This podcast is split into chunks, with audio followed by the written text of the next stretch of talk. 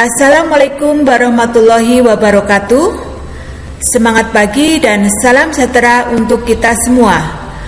Siswa SMA, MA, dan SMK di seluruh tanah air, kelas online PPKN kembali hadir untuk menyumpai kalian semua. Kali ini kita akan membahas sistem dan dinamika demokrasi Pancasila. Siswa-siswi sekalian, Subpokok bahasan yang akan kita pelajari di hari ini yang pertama, hakikat demokrasi, yang kedua, dinamika penerapan demokrasi Pancasila, yang ketiga, membangun kehidupan yang demokratis di Indonesia. Kita mulai pembahasan pertama, hakikat demokrasi. Kata demokrasi berasal dari dua kata dalam bahasa Yunani, Demos yang berarti rakyat dan kratos atau kratein yang berarti pemerintahan. Sehingga demokrasi dapat diartikan sebagai pemerintahan rakyat. Konsep demokrasi menjadi sebuah kata kunci dalam bidang ilmu politik. Hal ini menjadi wajar sebab demokrasi saat ini disebut-sebut sebagai indikator perkembangan politik suatu negara.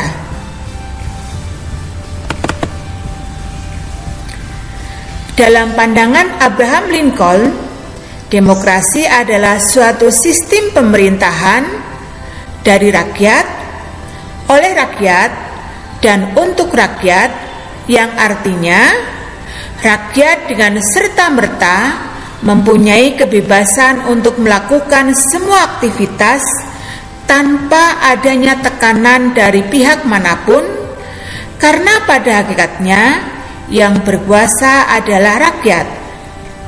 Demokrasi telah dijadikan sebagai sistem politik yang dianut oleh sebagian besar negara di dunia.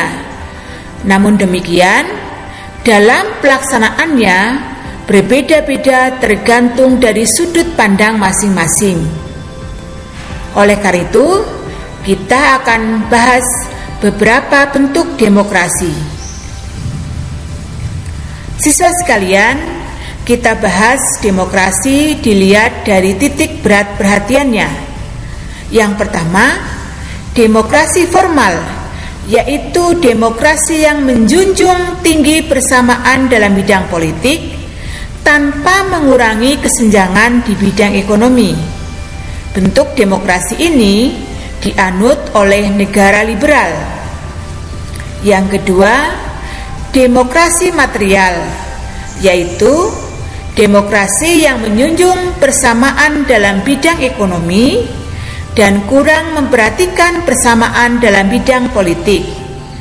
Bentuk demokrasi ini dianut oleh negara komunis yang ketiga, demokrasi gabungan yang mengambil kebaikan dan membuang kelemahan dari demokrasi formal dan material.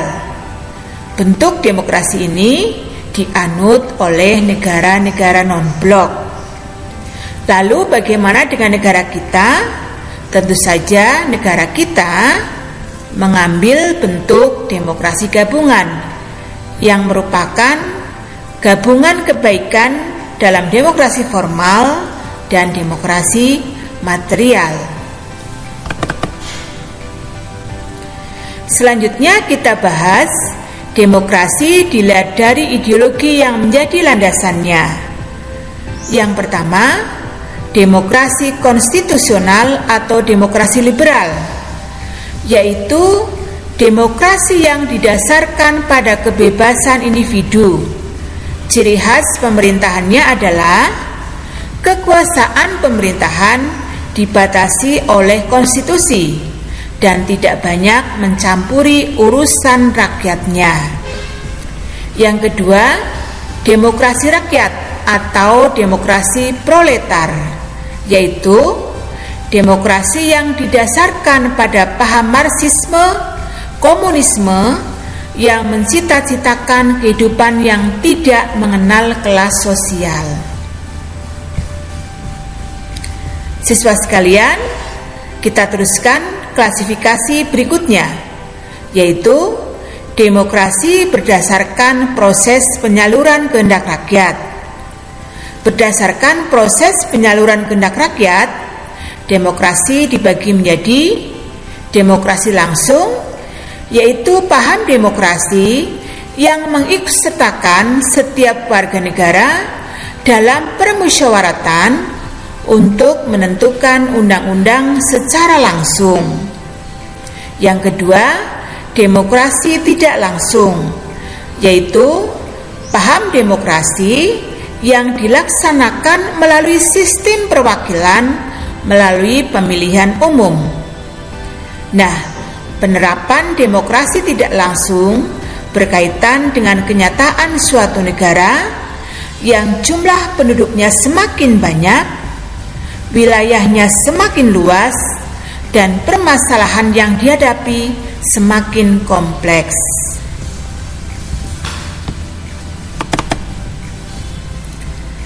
Selanjutnya, prinsip-prinsip demokrasi menurut Henry B. Mayo.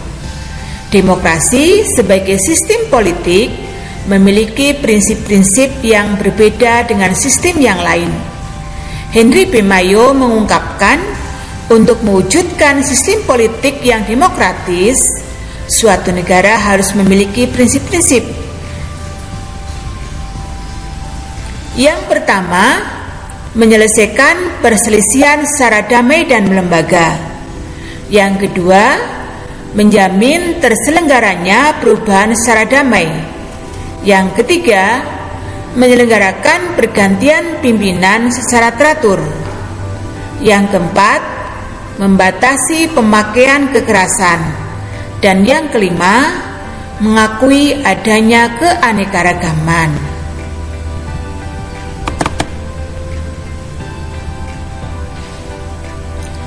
Siswa-siswi SMA, MA, dan SMK di seluruh tanah air Selanjutnya kita bahas dinamika penerapan demokrasi di Indonesia.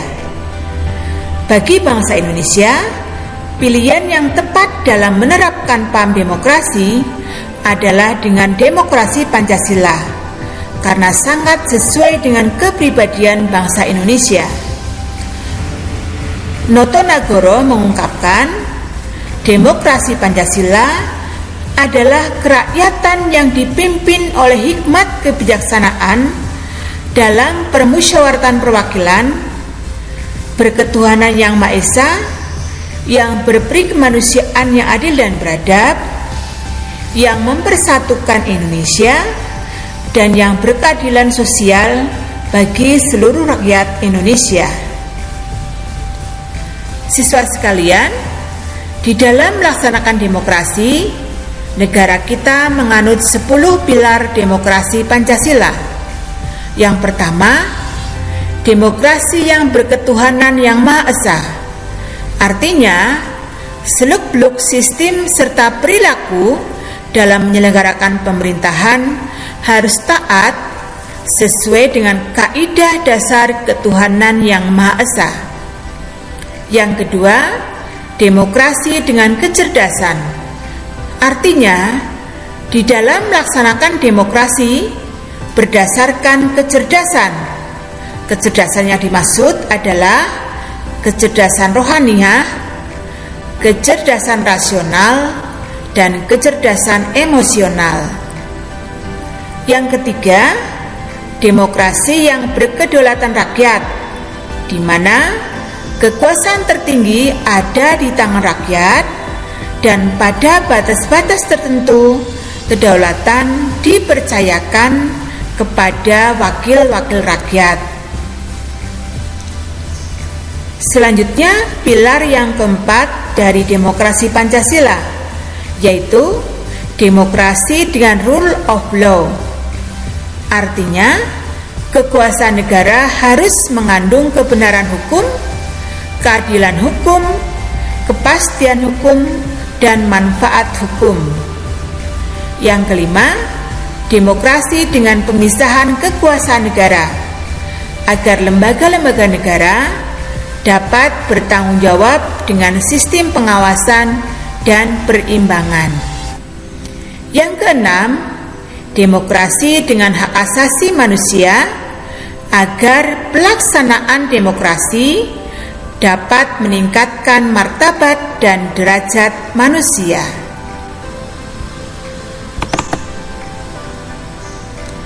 Siswa sekalian, kita teruskan pilar yang ketujuh dari demokrasi Pancasila. Demokrasi dengan peradilan yang merdeka atau independen yang memberi peluang kepada semua pihak yang berkepentingan untuk mencari dan menemukan hukum yang seadil-adilnya. Yang kedelapan, demokrasi dengan otonomi daerah, di mana daerah-daerah otonom dibangun dan disiapkan untuk mampu mengatur dan menyelenggarakan urusan pemerintahan sebagai urusan rumah tangganya sendiri yang diserahkan oleh pemerintah pusat kepada pemerintah daerah.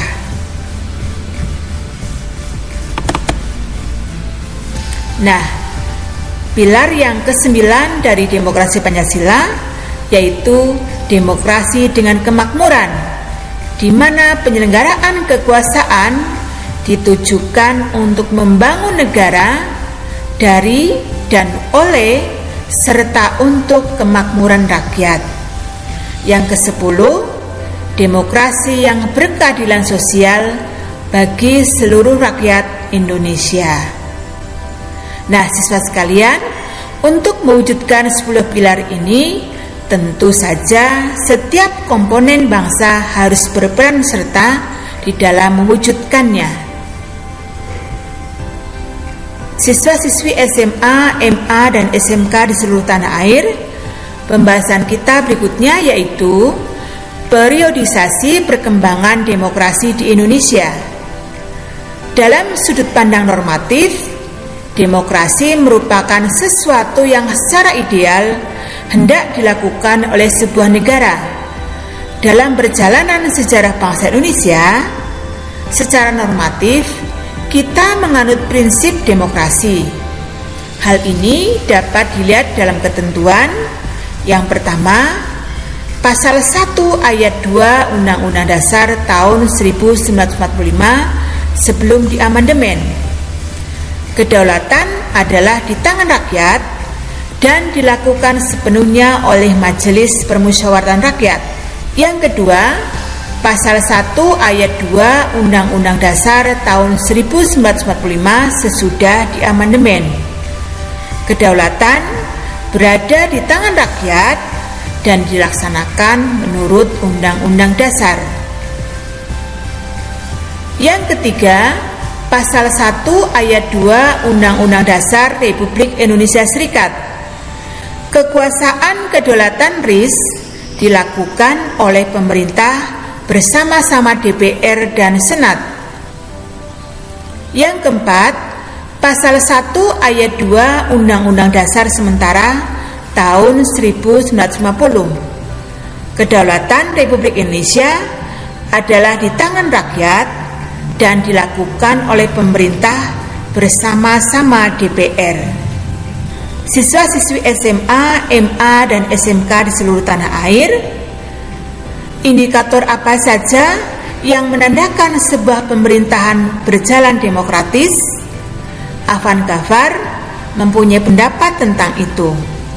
Yang pertama, akuntabilitas, di mana setiap jabatan harus dapat dipertanggungjawabkan. Yang kedua, rotasi kekuasaan secara teratur dan damai. Yang ketiga, rekrutmen politik yang terbuka, di mana setiap orang memiliki peluang yang sama untuk mengisi suatu jabatan. Yang keempat, pemilihan umum secara teratur. Dan yang kelima, pemenuhan hak-hak dasar termasuk hak untuk menyatakan pendapat, hak berserikat, dan hak menikmati pers yang bebas.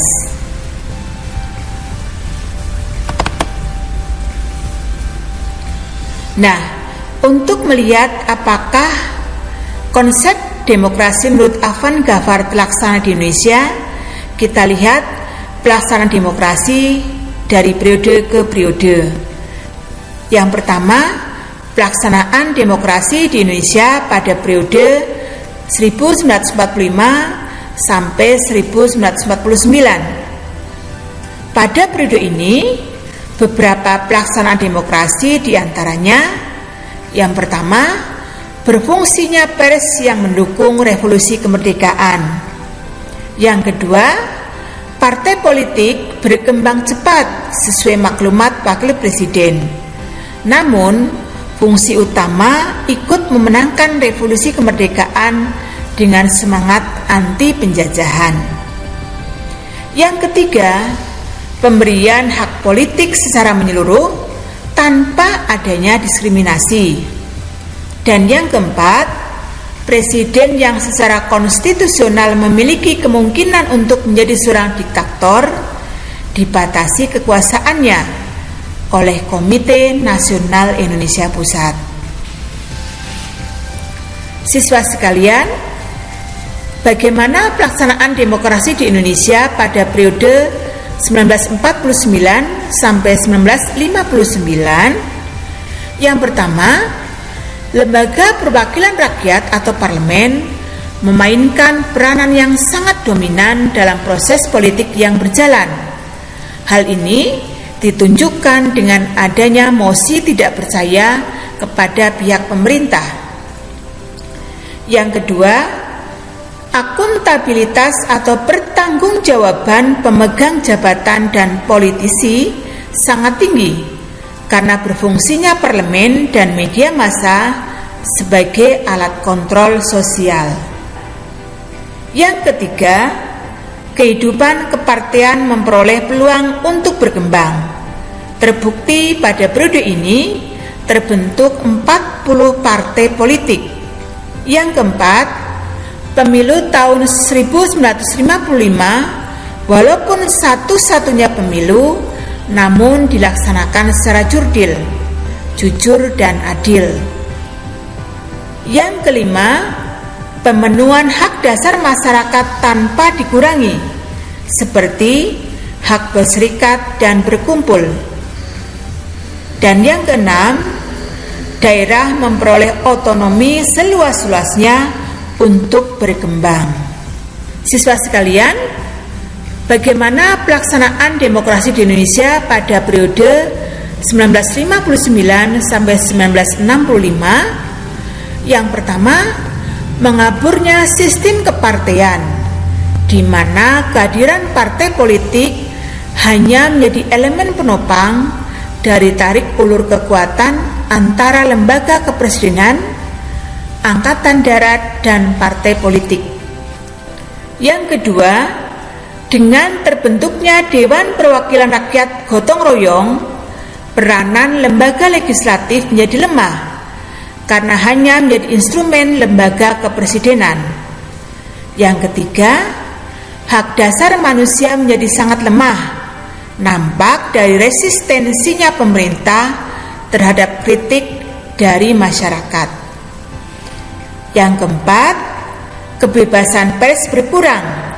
Nampak dari dibredelnya harian abadi yang berafiliasi dengan Masyumi dan harian pedoman yang berafiliasi dengan PSI. Yang kelima, sentralisasi kekuasaan semakin dominan, yaitu dalam hubungan pemerintah pusat dan daerah.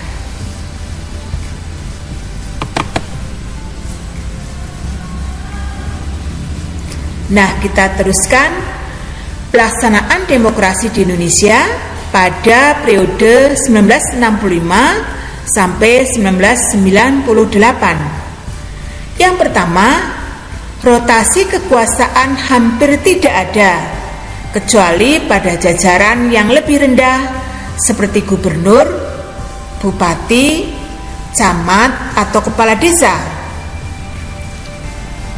Yang kedua, rekrutmen politik yang merupakan proses pengisian jabatan politik bersifat tertutup kecuali pada anggota DPR yang berjumlah 400 orang yang dipilih melalui pemilu. Yang ketiga, pemilihan umum diselenggarakan secara teratur namun tidak melahirkan persaingan yang sehat. Dan yang keempat, pengekangan hak dasar warga negara seperti kebebasan berpendapat nampak pada dicabutnya izin tabloid Tempo, Detik dan Editor. Nah, siswa sekalian, kita bahas pelaksanaan demokrasi di Indonesia pada periode 1998 sampai dengan sekarang. Pada periode ini, yang pertama diberlakukannya sistem multipartai pada pemilu tahun 1999 agar rakyat dapat berpartisipasi dalam kehidupan berbangsa dan bernegara. Yang kedua, diberlakukannya pemilu presiden secara langsung mulai tahun 2004 dan pemilu kepala daerah secara langsung mulai tahun 2005. Yang ketiga, rotasi kekuasaan dilaksanakan mulai dari pemerintah pusat sampai dengan pemerintah desa. Yang keempat, rekrutmen politik untuk mengisi jabatan politik dilakukan secara terbuka. Yang kelima, sebagian hak dasar rakyat dapat terjamin, seperti hak menyatakan pendapat dan kebebasan media massa. Siswa SMA, MA, dan SMK di seluruh tanah air, tiba saatnya kita pada pokok bahasan terakhir pembahasan kita di hari ini. Bagaimana membangun demokrasi di Indonesia? Untuk membangun demokrasi di Indonesia, kita memerlukan empat hal di bawah ini. Yang pertama, persamaan kedudukan di muka hukum. Yang kedua, partisipasi dalam pembuatan keputusan. Yang ketiga, distribusi pendapatan secara adil. Dan yang keempat, kebebasan yang bertanggung jawab. Siswa sekalian, akhirnya untuk menjalankan kehidupan demokratis, kita dapat mengimplementasikan beberapa prinsip di bawah ini dalam kehidupan sehari-hari. Yang pertama, membiasakan diri untuk berbuat sesuai hukum yang berlaku. Yang kedua, membiasakan untuk bertindak demokratis dalam segala hal. Yang ketiga, menggunakan kebebasan secara bertanggung jawab. Yang keempat, menuntut hak setelah melaksanakan kewajiban. Dan yang kelima, membiasakan diri memberikan kritik yang bersifat membangun. Siswa-siswi SMA, MA, dan SMK di seluruh tanah air, demikian tadi pembahasan kita di hari ini. Semoga apa yang saya sampaikan dapat bermanfaat bagi kita semua. Tetap semangat. Wassalamualaikum warahmatullahi wabarakatuh.